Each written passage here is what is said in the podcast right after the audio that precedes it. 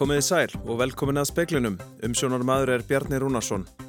Forseti Úkrænu fór ófögrum orðum um framferði innrásarhærs og rúsa þegar hann ávarpaði öryggisrað saminuð þjóðana í dag. Annarkort ætti að reka rúsa úr ráðinu eða leggja það niður. Þingmenn stjórnar andstöðunar kröfðust þess að Sigurður Ingi Jóhansson innviðar á þeirra mætti til Þings og gerði grein fyrir umvalum sínum um framkvæmda stjóra bændasamtakana í seinustu viku. Öllum íbúum Shanghai, fjölmennustu borgar Kína, hefur verið skipað að halda sig heima til að stöðva útbreyslu kórunuverinar. Rúmlega 13.000 smitt greintust þar í gær. Ungur akureyringur sem er sjálfbúaliði með hópi fólks við landamæri Úkrænu sapnar fyrir bíl til að hjálpa fólki í neyð. Hann er vongóður um að Íslandingar vekki söfnuninni lið. Öryggisráð saminuð þjóðana kom saman í dag til að ræða innrás rúsa í Úkrænu. Volodymyr Selenski fórseti ávarpaði ráðsfulltrúa og fór ófögrum orðum um framferði innrásarliðsins. Hann hveðst hafa kannad aðstæður í bænum Bútsja í gær þar sem hann sá með eigin augum að heilu fjölskyldurnar hefðu verið myrtar, karlar, konur og börn. Hann saði að reka yrði rúsa úr öryggisráðinu eða leggja það niður og stríðurströymur flottamanna hefur verið til Pólans. Arnar Björnsson, fréttamaður, er í Varsjá í Pólandi. Arnar, þú og Guðmundur Bergqvist, tökumæður, hafi verið þarna frá því í gerð morgun. Hvað hafið þið séð og heyrt í dag? Já, það er svo merkilegt með það að þegar maður er búin að vera í landinu ekki lengri tíma þá skinnja maður betur ástandið. Við erum búin að fara í flottamannabúðir, uh, ræða þar við fólk og fylgjast með hvernig tekið er á mótið því og svo fer maður í fangið konu frá Mariupol sem að e, þurft að upplifa allar þessar hörmungar e, flýr þaðan og veit í raun og veru ekki hvað býður hennar. Draumurinn er að komast til Írlands en hún veit ekki þetta ákvaða ferðarlega hún er og, og lætur e, gefur eftir vinnu í Úkræðinu, góða vinnu, góðan skóla fyrir dótturinnar og hún er með tárinu augunum og við sínum þetta viðtali hvað fréttum okkar í kvöld. En hvað með, er fólk að fara tilbaka til Úkrænu? Já, það er eh, merkilegt að það eru margi sem er að fara og það er kannski sínir svona þróskuna í, í þessu öfluga fólki að það vil auðvitað ekki fara langt í burtu frá, frá heimalandinu fáir að fara til að mynda til vesturheims því að menn vilja vera eins nálagt Úkrænu þegar og ef þetta stríð tekur einhvern tíman enda. Takk fyrir þetta Arnar og við sjáum og heyrum nánar um þetta í sjóasfrettum. 613 flottamenn frá Úkrænu hafa komið hinga til lands frá Inras Russa í landið 24. februar. Í dag var forskráningarkerfi fyrir flottafólk frá Úkrænu tekið í nótkunn en það hafa auðvelda móttöku þess að Sörg Gilva Þors Þorsteinssonar aðgerðastjóra. Þannig að nú getur fólki byrjað að skrá sig e, bara við brottfur af utan Eh, eða strax bara í vélinni eh, ef því er að skipta en þar eru við að leitast eftir upplýsingu vanandi hilsufar og annaf en þetta mun óneittalega flýta fyrir því ferli þegar sótt er um vendina. Hefur verið bætt við búsættu úrraðum fyrir fólkið? Við þurfum að, að hérna, bæta við búsættu úrraðum nánast á hverjum degi Hvernig hafið þið farið að því að bæta við? Eru, er, er það ykkur hótel sem fólki kemur til með að búa í það? Hvað er þetta? Já, þetta er, þetta er bara í sveitafélagum hér á höfuborgarsvæðinu og, og þetta eru gistiheimili, þetta eru, þetta eru hótel. Þetta er, það er bara, já, í rauninni allt sem að stennst gröfur, það höfum við, höfum við tekið. Saði Gilvi Þór Þorstensson, Anna Lilja Þóristóttir talaði við hann.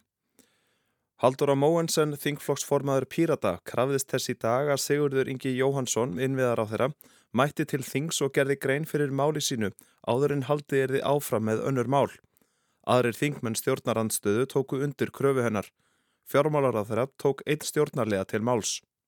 Mér finnst þetta ekki lægi og ég byrð fórsetta vinsamlegast um að skapa smá rými í dagskránu næstu daga til þess að ræða þetta mál. Við verðum Við verðum að fá að ræða við ráþarum þetta. Orðin eru að sjálfsögðu óverjandi og ráþarann hefur sjálfur líst í yfir að hann ætli ekki að reyna að verja þau. Saði Bjarni Benediktsson og Haldur á Móensen á undan honum. Yfirvöld í Shanghai, fjölumennustu borg Kína, hafa skipað íbúðum að halda sig heima um sinn í þeirri von að hægt verði að stöðva útbreyslu koronavirunar. Kínversk stjórnvöld beita enn hörðum sóttvarna aðgerðum þótt slakað hafi verið á þeim víða annar staðar að undanförnu. Aðgerðirnar í Shanghai þykja þær hörðustu sem grepið hefur verið til frá því að koronaviru faraldurinn braust út snemma árs 2020. Í borginni búa um 25 miljónir manns. Hún er svo fjölmennasta sem lokað hefur verið frá því að verunar var fyrst vart. Skimað var fyrir verunni hjá miljónum borgarbúa í gær. 13.000 reyndust vera jákvæðir. Erfiðlega hefur gengið að halda koronaveirunni niðri að undanförnu í Shanghai þrátt fyrir að greipið hafi verið til þess ráðs að loka austur hluta borgarinnar og síðan vestur hlutanum. Því hefur öllum verið skipað að halda sig heima og fara ekki eins og út úr húsi til að afla sér lífsnöðsynja. Aðsögn Breska ríkisútvarpsins BBC kvarta í búar í sömum borgarhlutum yfir því að erfiðlega gangi að fá matfæli og vatn senda heim meðal annars vegna lélærar byrðastöðu og skorts á starfsfólki. Mörgum íbúum Shanghai þykir nóg komið af ströngum sótvarnar ástöðunum, ekki síst í ljósi þess að almennt veikist fólk lítið af omikron afbreyði verunar. Útgangubann er í gildi um þessar mundir í að minnst ákosti fjórum öðrum miljóna borgum í Kína auk annara þar sem færri búa. Ásker Tómasson saði frá. Alþjóðleið sjálfbúa liða samtök sem starfa í Úkrænu eru að sapna fyrir sendibíl til að aðstofa fólk á flotta. Ungur maður frá Akureyri sem starfar með samtökunum vonar að Íslandingar leggji söpnuninni lið. Samtökin Foreign United Peoples hafa veitt neyðar og mannúðarhjálp á landamærum Úkrænu og Pólans frá því að rússa réðust inn í Úkrænu. Í hópnum eru tíu sjálfbóðulegar þar af einn akureyringur hinn rúmlega tvítugi Elvar Orri Brynjarsson. Á rúmum þremur vikum hefur hópurinn flutt yfir 40 tonn af mat, vatni og livjum til flóttamannastöða í Úkrænu. Hópurinn hefur sendiferðabíl til umráða en vegna aukina umsöfa þarf að bæta við öðrum bíl. Við erum rauninni með einn bíl sem að hérna, við notum daglega og ábyggilega er alveg dögað en að gera það ekki mikið lengur ef við viljum að koma út eins miklum byrjum og og, og við getum. Auk þess að koma byrjum til Úkrænu hefur hópurinn ferjað meira en 300 flóttamenn yfir landamærin. Þá erum við verið að tala um fólk sko, sem er að koma frá hérna tengilegum okkur í, í Karskiv eða í Donetsk, Donbass og á þeim svæðin. Við þá með okkur tilbaka eftir að við komum byrjum til, til, til skila. Elvar segir að þörfin aukist dag frá degi. Hópurinn hefur hafið söpnun í gegnum hópfjármögnun Karolína Fönd og markmiðið er að sapna 800.000 krónum. Ertu, ertu bjassin á að þið ná að sapna nýjum bíla á 60 eins og, eins og markmiðið er? Já, ég vona það. Þörfin er náttúrulega bara rosalega miklu. Ég vona að fólk sjáu það og Íslandingar náttúrulega getur komið sér saman og, og þetta með þetta. Saði Elvar Orri Brynjarsson. Óðinsvann Óðinsson talaði við hann. Íbúar höfuborgarsvæðisins vöknuði við kvíta jörði í morgun nú í apríl byrjun. Vor hret hafa þó ekki slegið vorbóðana út af læginu síðustu ár og engin undantekning er á því nú. Lóan kom í lók mars og það sást til fyrstu lundana í síðustu viku. Nú síðdegis sást svo til fyrsta rossagöksins á grasbalanum við útfarshúsið og dansaði sá í sólinni. Það er þó eitthvað í það að vorið hefji innreið sína fullum þunga. Spáðir áframhaldandi kuldatíð út vikuna með talsverðu frosti þegar líður á. En Rossagaukurinn og aðrir vorbúðar gefa þó fyrirheitum betri tíð. Þarna heyrðu við ljúvan söng Rossagauksins, Andri Irkild Valsson tók saman.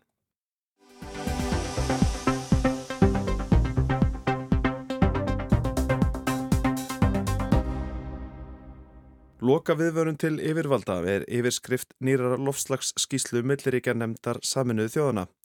Þetta er þriðji hluti sjöttu skíslunar um lofslagsbreytingar og snýr hann að því til hvaða aðgeða sé hægt að grýpa til að halda nattræðni hlínun í skefjum. Skíslan er yfirgripsmikil, tilur hátt í 3700 blaðsýður og er hugsuð sem leiðarvísir í aðgerðum gegn lofslagsbreytingum.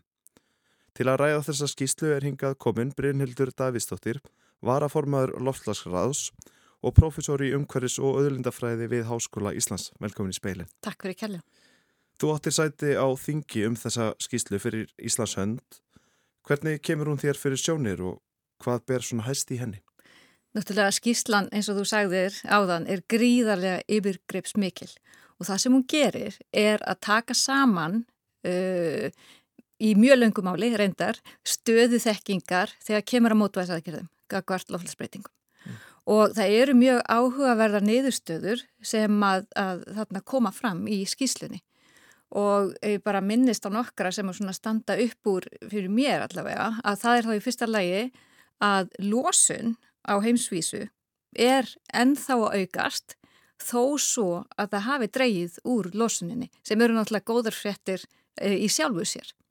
Eh, það að það hafi aðeins dreyið úr losun þýðir, og, og Skísland segir það með beinum hætti, þýðir það að aðgerðir eru aðeins farnar að skila árangri. Uh, nú, niðurstöðu skíslunar eru ekki bara neikvæðar, það er að segja að, að losun sé að aukast og, og, og hlutinni sé að verða verri, heldur Skísland sínir líka fram á að við getum bröðust við. Það eru mjög margar mótvæðisaðgerðir sem er hægt að ráðast í, sem eru hagkvæmnar, Uh, þær eru uh, tæknilega mögulegar og þegar til lengri tími litið munir þær einfallega skil okkur aukinni hagsæld, það er að segja heiminum öllum. Mm -hmm. Þannig að það eru ákveðu góð, góðar frettir í, í skýslinni líka. Mm -hmm. Í skýslinni eh, gefur nefndin í fyrsta sinn út úttekt á því hvernig mannleg hegðun og nesla getur haft áhrif á lofslagsbreytingar til framtíðar.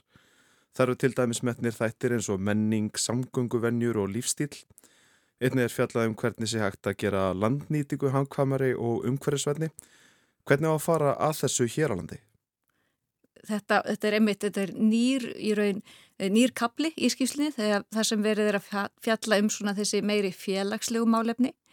Uh, í fyrir skýslum hefur verið meiri áherslu að lögða á svona þessar tæknilegu mótvæðisaðgerðir uh, þar sem verið er að tala um hvernig við getum dreyjuð úr losun frá þá samgöngum eða rafbílavæða eða dreyið úr losun frá eh, fiskiskjöflótanum með því að fara yfir í öðru í þessi eldsneiti og svo framvís. En í nákvæmlega þessum kabla eru verið að fjalla um hvernig hinn mannlegaða hegðun þarf að breytast og það sem hér er verið að leggja áherslu á til dæmis uh, og sem er kannski gaman að ræðum hérna í samhengi í Íslands er að, að ekki bara að umbylta samgöngukerfunum þannig að við förum að auka notkun rafbíla heldur að samgöngu að samgöngu hegðunin breytist sjálf. Það er að segja að við förum að nota almenningssangungum meira, að við förum að, að ganga og hjóla og svo framvís. Þegar kemur að fæðukerfunum, að þú myndist á, á landnotkun, þá er líka rík áhersla í skýslinni lögða á það að við þurfum að fara að breyta neysluhegðun, bæði þegar kemur að, að kaupa vöru og þjónustu sem og þá hérna, matinn sem við borðum. Að maturinn, fæðan, þarf að verða í laun, raun, það sem við kallum lofslagsvætni.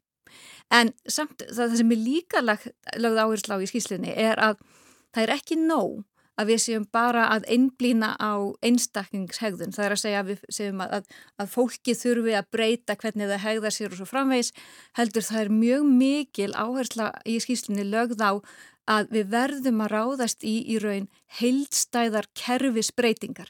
Heimurinn þarf að ráðast í heildstæðar kerfisbreytingar þar sem að, að ráðist er í heildstæða stefnumörkun, þvert á, á alla málaflokka. Og hérna til dæmis, ef við hugsaum um það til dæmis hvað meina ég með kerfisbreytingar, þá er til dæmis ég myndist af samgöngukerfið, samgöngukerfið þurfa að breytast en til þess að þau breytist þá þarf ég mislegt annars að gera slíka til dæmis að fjármál hins opimbera þurfa að taka mark af uh, þessum áherslun sem við erum að leggja í lofslagsmálum. Uh, fjármála heimurinn þarf að breytast þessu framvegis mm -hmm. líka. Það er minnst á hugtak sem að já, því sem lágkólefnis hagkerfi. Hvað er það? Lágkólefnishagkerfi, það er einmitt eins og sem að í raun allar þjóður heims eru að stefna að núna. Það er að segja að lágkólimshagkerfi er hagkerfi sem að þar sem að framleiðsla vöru og þjónustu sem og neysla leiðir til mjög lítilla losunar góðrúsloftöfunda. Það er að segja að netta losin í raun og veru sé null og það er einmitt það sem að þjóðir heims og Skísland kemur inn á að þjóðir heims þurfa að stefna á hið fyrsta eða í síðasta lægi eins nálagt 2050 og hættir. Það er að segja að árið 2050 þá höfum við náð á heimsvísu hennu svo kallaða kólefnis hlutleysi. En ef við mátum Íslandin í þetta lág kólefnis hagkerfi, hvar stöndu við í því?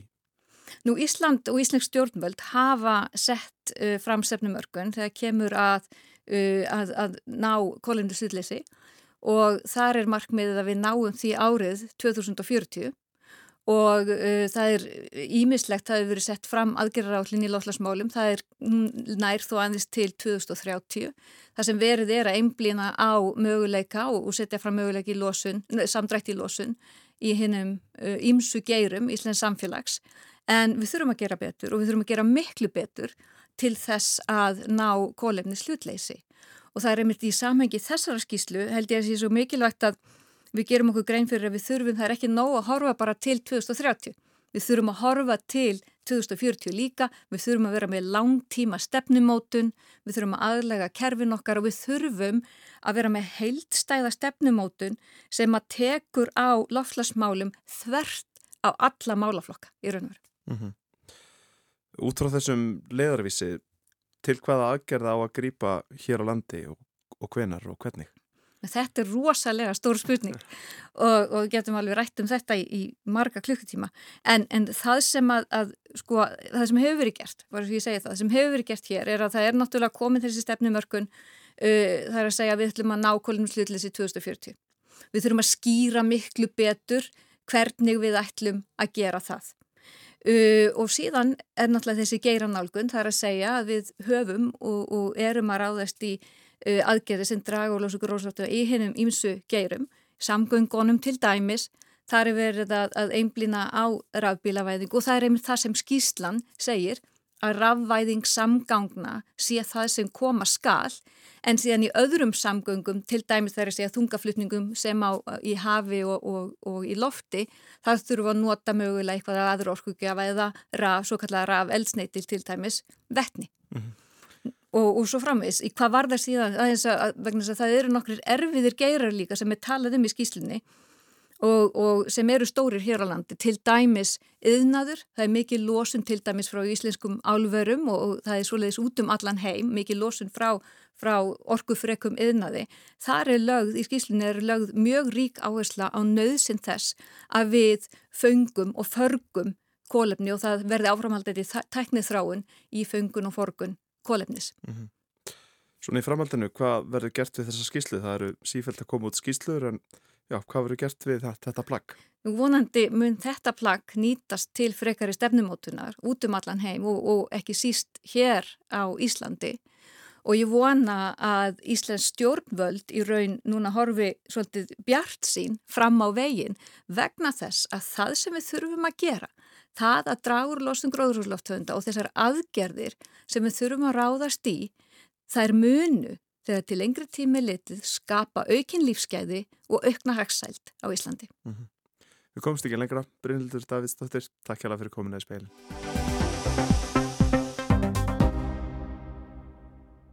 Gauti Jóhannesson, fráfarandi fórseti sveitastjórnar í Múlaþingi, er ósáttur, líkt og margir sveitastjórnarmenn, við að skipulagsvald haf- og strandsvæða sé ekki hjá sveitarfjölögum. Lagaumhverfið hefði mátt vera skýrara í kringum fiskeldi í fjörðunum. Laugin um haf- og strandsvæði hafi verið sett fyrst og fremst til að bregðast við fiskeldi og hann vonar að áður en beislun vindorku fer lengra verði lagaumhverfið komið á betri reikspöl en reyndin varð með haf- og strandsvæðin. Hér eistra sambandið og ekki síst samtök sjárutusveitafélaga þau hafa gert við það mjög alvarlegar aðtúarsendur að, að skipularsvaldið á fjörðunum sé ekki okkar og það er sérkennilegt til þess að, að, að hugsa að það skul ekki vera svoleiðis í þessum fjörðum sem við erum með hérna fyrir austan. Og þetta eru kölluð haf- og strandsvæði og það er nokkuð langt síðan að sveitarfélagin hérna fyrir austan fóru að knýja á um það að fá skipulag á þessum svæðum en, en, en hvernig fór það? Já, það fór þannig að sveitafélagin hafa sannarlega ekki skipilósaldið. Nú er það svoleiðis að sjókvíaldi er heimilt fyrir östfjörðum, vestfjörðum og, og síðan mögulega í eigafjörði og lögum skipulag haf og strandsvæða eru sett uh, fyrst og fremst til þess að bregðast við þessum aðstæðum og ég held að þau líði svolítið fyrir þetta vegna þess að ef að tilfelli væri það að sjókvíaldi væri til dæmis heimilt fyrir Suðvesturlandi þá er ég ansið hættur um að Reykjavíkuborg myndi sætta sig illa við að hafa ekki skipularsvaldið utan við ægisíðuna eða í Kópavóin. Það er náttúrulega bara það sem við hins vegar búum við hér eistra, vestra og svo fyrir norðan. En hver er það sem að ræður? Þetta eru svæðisráð sem eru skipuð á ákveðin hátt? Já, já, í svæðisráðunum eiga hvort tvekja ráðunheitin og fulltrúar sveitarfélagana sæti. Það er ágættis fyrirkomulega svo langt sem það nær en eftir stendur þessi krafa sveitarfélagana að sjálfsögðu á það að vera svoleiðis að skipilagsvaldið inni á fjörðunum það sé okkar. Hafa með þú ekki trú á því að eh, sjóna með sveitafélagana njóti sín innan þessara svæðisráða? Ég hef starfað í svæðisráðunu og, og það er ekki annað að segja en að, en að samstarfi í svæðisráðunu hafi verið ágætt. Það breytir ekki þeirri staðrind að við gerum og höfum gert kröfu um að skipilagsvaldið sé okkar. Og þið viljið kannski frekar að þá að það sé þá kjörnir fulltrúar sem að bera ábyrð á eh, skipilagi hafa strandsvæða það sé reynilega bara líðræðisleira. Þetta snýst kannski meira um það með hvaða rökum ætlum við að fullira það að skipilagsvaldinu sé betur fyrir komið í höndum annar en um leiðu og kemur 115 metra út fyrir stórstörnsfjöruborð. Þetta er kannski snýst svolítið um það. Svæðisræðu hérna fyrir austfyrði það er að störfum og er að vinna þetta strandsvæðaskipulag en þá kemur ákveðið babi í bátinn vegna þess að eh, fiskaldið er undan þegi þessu. Ég allavega það sem var búið að tilkynna áform um fiskaldi áður en þessi lögur er sett. Það skipulag sem er í gangi núna, strandsvæðaskipulagið, það tekur náttúrulega ónættanlega tölvert með að því sem hefur gerst fram að þessu. Og það er nú kannski hluti af vandanum við laga umhverfi greinarinnar að við erum núna eins og svo oft áður að eldast við skottið á sjálfum okkur, kannski aðeins og sent og það hefði verið betra að um þetta væri komin mun skýrari lagara með áður en var lagt var á stað. Það sem að kjörnir fulltrúa geta gert fyrir geta haldið og loftið þessum viðfórum sem ég hef verið að viðra hérna varandi skipilórsvaldi að það verið fært heim til sveitarstofnuna. Það er fyrst og fremst það sem að kjörnir fulltrúa geta gert. En nú er þetta komið eins og það er komið og uh, þá spyrir maður sig, er eitthvað hægt að læra af þessu? Er eitthvað framundan í atvinnulífinu sem að, uh, já, við þurfum að huga að? Það er bara ótal dæmi varðandi lagasetningar þar sem við hefðum betur farið af stað og reynd að gera kannski og átt okkur betur á því sem framtíðin kemur til með að bera í skauti sér bara í svo mörgum málaflokkum. Og ég held til dæmis að, að í vændum sé spennandi tímar varðandi nýtingu vindorku og annað og ég held að við ættum að láta þessi skipularsmál og, og sögu skipularsmála undanfarna áratvíi kenna okkur það að við þurfum að taka upp þann síð að vera á undan í lagarsetningunni en að lagarsetningin snúist ekki alltaf um það að slökku elda löngu þegar allt er farið á stað. En nú sér maður að það verða tilkynna um áformum vindorku garda eh, til dæmis í landi Klaustursels og Fljóstalsreppur hefur skrifað undir vilja við lýsingu um uh, að finna stað fyrir vindorkugarði þar í reppi.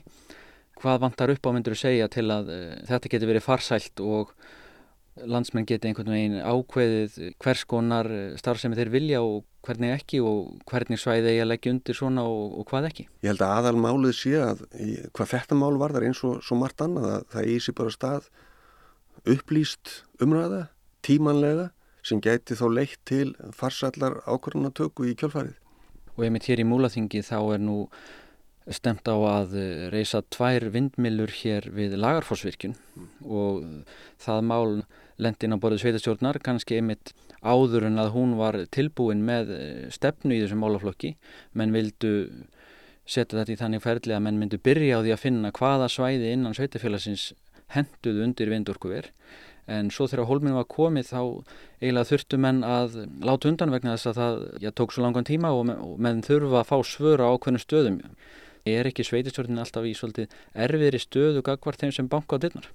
Hún getur verið það, jú og varandi vindmjölutan tvær síðan nefnir á þá er það svo leiðis að það hefur verið stefna sveitarstjórnar að leiða til lykta mál sem að voru komin á reikspjól í gömlu sveitafélagun og við gerðum það með þessar ákvörðun. Samhliða þá ákvörðuð að fara út í þetta verkefni þar að segja að kortleggja hvar og hvort væri mannlegt að setja upp vindorkustöðvar, vindmjölur eða hvað við kollum það í sveitafélaginu til þess að geta þó tekið upplýsta umræðum um það, um setna, ætlum við og þá hvar að setja upp slík tæki.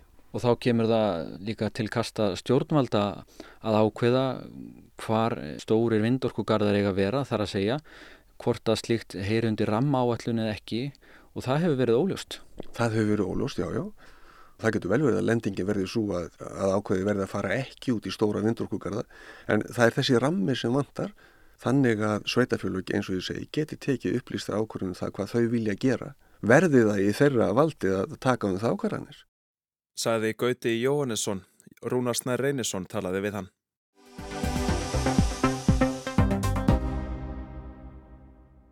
Ný vísindaleg kenning er komin fram um af hverju byggð norrætna manna lagðist af á Grænlandi á 15. öld. Ekki var það kuldin og ekki var það vankunnáta við veiðar, heldur óbærilegi þurkar. Þarna er komin nýtt svar við gamalli gátu, eins og Gísli Kristjánsson, fréttareitari í Oslo, rekur hér. Hið nýja í þessari rannsókn er að draga fram umhverfist þátt sem ekki hefur verið rannsakaður áður. Það er vandi sem bændur á Íslandi þekkja og bændur á Grænlandi eiga við í etja með reglulegu millibili. Það eru langvarandi þurkar að sumri.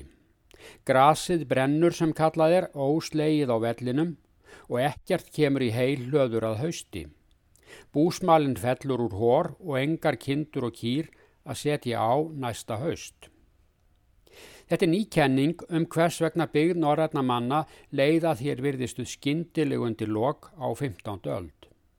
Að þessu sunni eru það vísindamenn við Massachusetts háskóla í bandaríkjónum sem hafa lagt út í ára langa vinnu við að finna svar við gátunni hvers vegna leið byggð norrætna manna undir lok á tiltölulega skömmum tíma. Svarið úr þessari rannsókn er að miklir þurkar hafi gert bændum á Grænlandi lífið leitt á síðmöðöldum og fyrir vikið hafi hefðbundin landbúnaður með íslensku sniði liðundir lok. Ekki endilega á einu þurkasumri eða tveimur, heldur hafi þurkar að sumri gert stöðugt algengari og lokum var allur búfjanaður fallin vegna heileysis. Niðurstað þess er fengin með rannsókn á borkjörnum í seti úr stöðuvatni siðist á Grænlandi, þar sem menn kölluðu Östurbyggð meðan norræni menn byggu þar. Rannsóknin beinist að því að finna merki um lofslagsbreytingar í júrtaleifum á botni stöðuvatsins. Algengasta skýringin á endalokum byggðarinnar er að veður hafi kólnað mjög á þessum tíma þegar kom fram yfir aldamótin 1400. Harðindi hafi lokum gert annars blómlegar sveitir óbyggilegar. Merki um kuldaskeið á þessum tíma fundust hins vegar ekki þarna í botni stöðuvatsins. Ekki er að sjá að gróður hafi minkað vegna kulda. Hins vegar báru plönduleifarnar með sér skrælnun vegna þurka. Kenningin byggir á að við mikla þurka geti svo kalla tvívetni myndast í frumum plantna.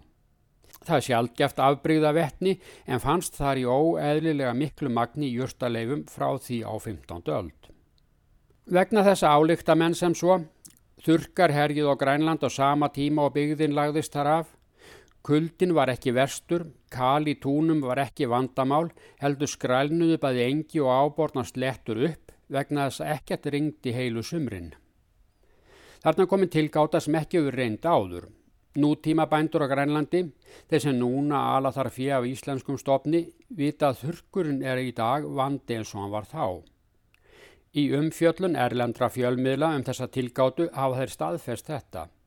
Mikið þurkasumar var til dæmis árið 2015. En núna er hægt að bjarga sér eftir þurkasumar með kaupum og fóðri. Það var ekki hægt á miðöldum. En svo er líka þeir sem efast um þessa kenningu. Þurkar geti aldrei verið meira en einn þáttur af mörgun sem mörguðu endalók byggðarinnar. Höfundur ansóknarinnar, Raymond Bradley, tekur undir þetta. En að þurkar hafi enga síður átt þátt í að byggðin lagðist af. Rannsóknir á síðari tímum þykja benda til að grænlendingarnir fornu hafi ekki nema hluta verið háður hefðbundnum landbúnaði. Veiðar hafi jafnvel skila landsmönum meiri hluta fæðunar. Jafnvel að 70% hafi verið fiskur og kjöt veiðdýra. Ekkert bendir heldur til að fólkið hafi liðið skort undir lok byggðarinnar.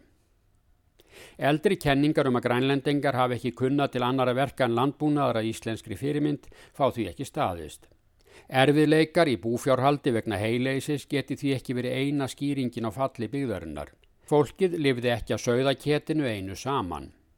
Grænlendingarnar hafðu nóg að borða en þurkar gætu verið ein skýringin á af hverju mörg bíli voru yfirgefin og fólkið flutti burt að þér virðist með alla búslóðina. En hvert að fóra lokum veit þó engin. Og þá er ekki fleira í speiklunum í kvöld. Tæknimaður var Jón Þór Helgason, frétta útsendingu stjórnaði Margret Júlia Ingimarsdóttir. Verðið sæl.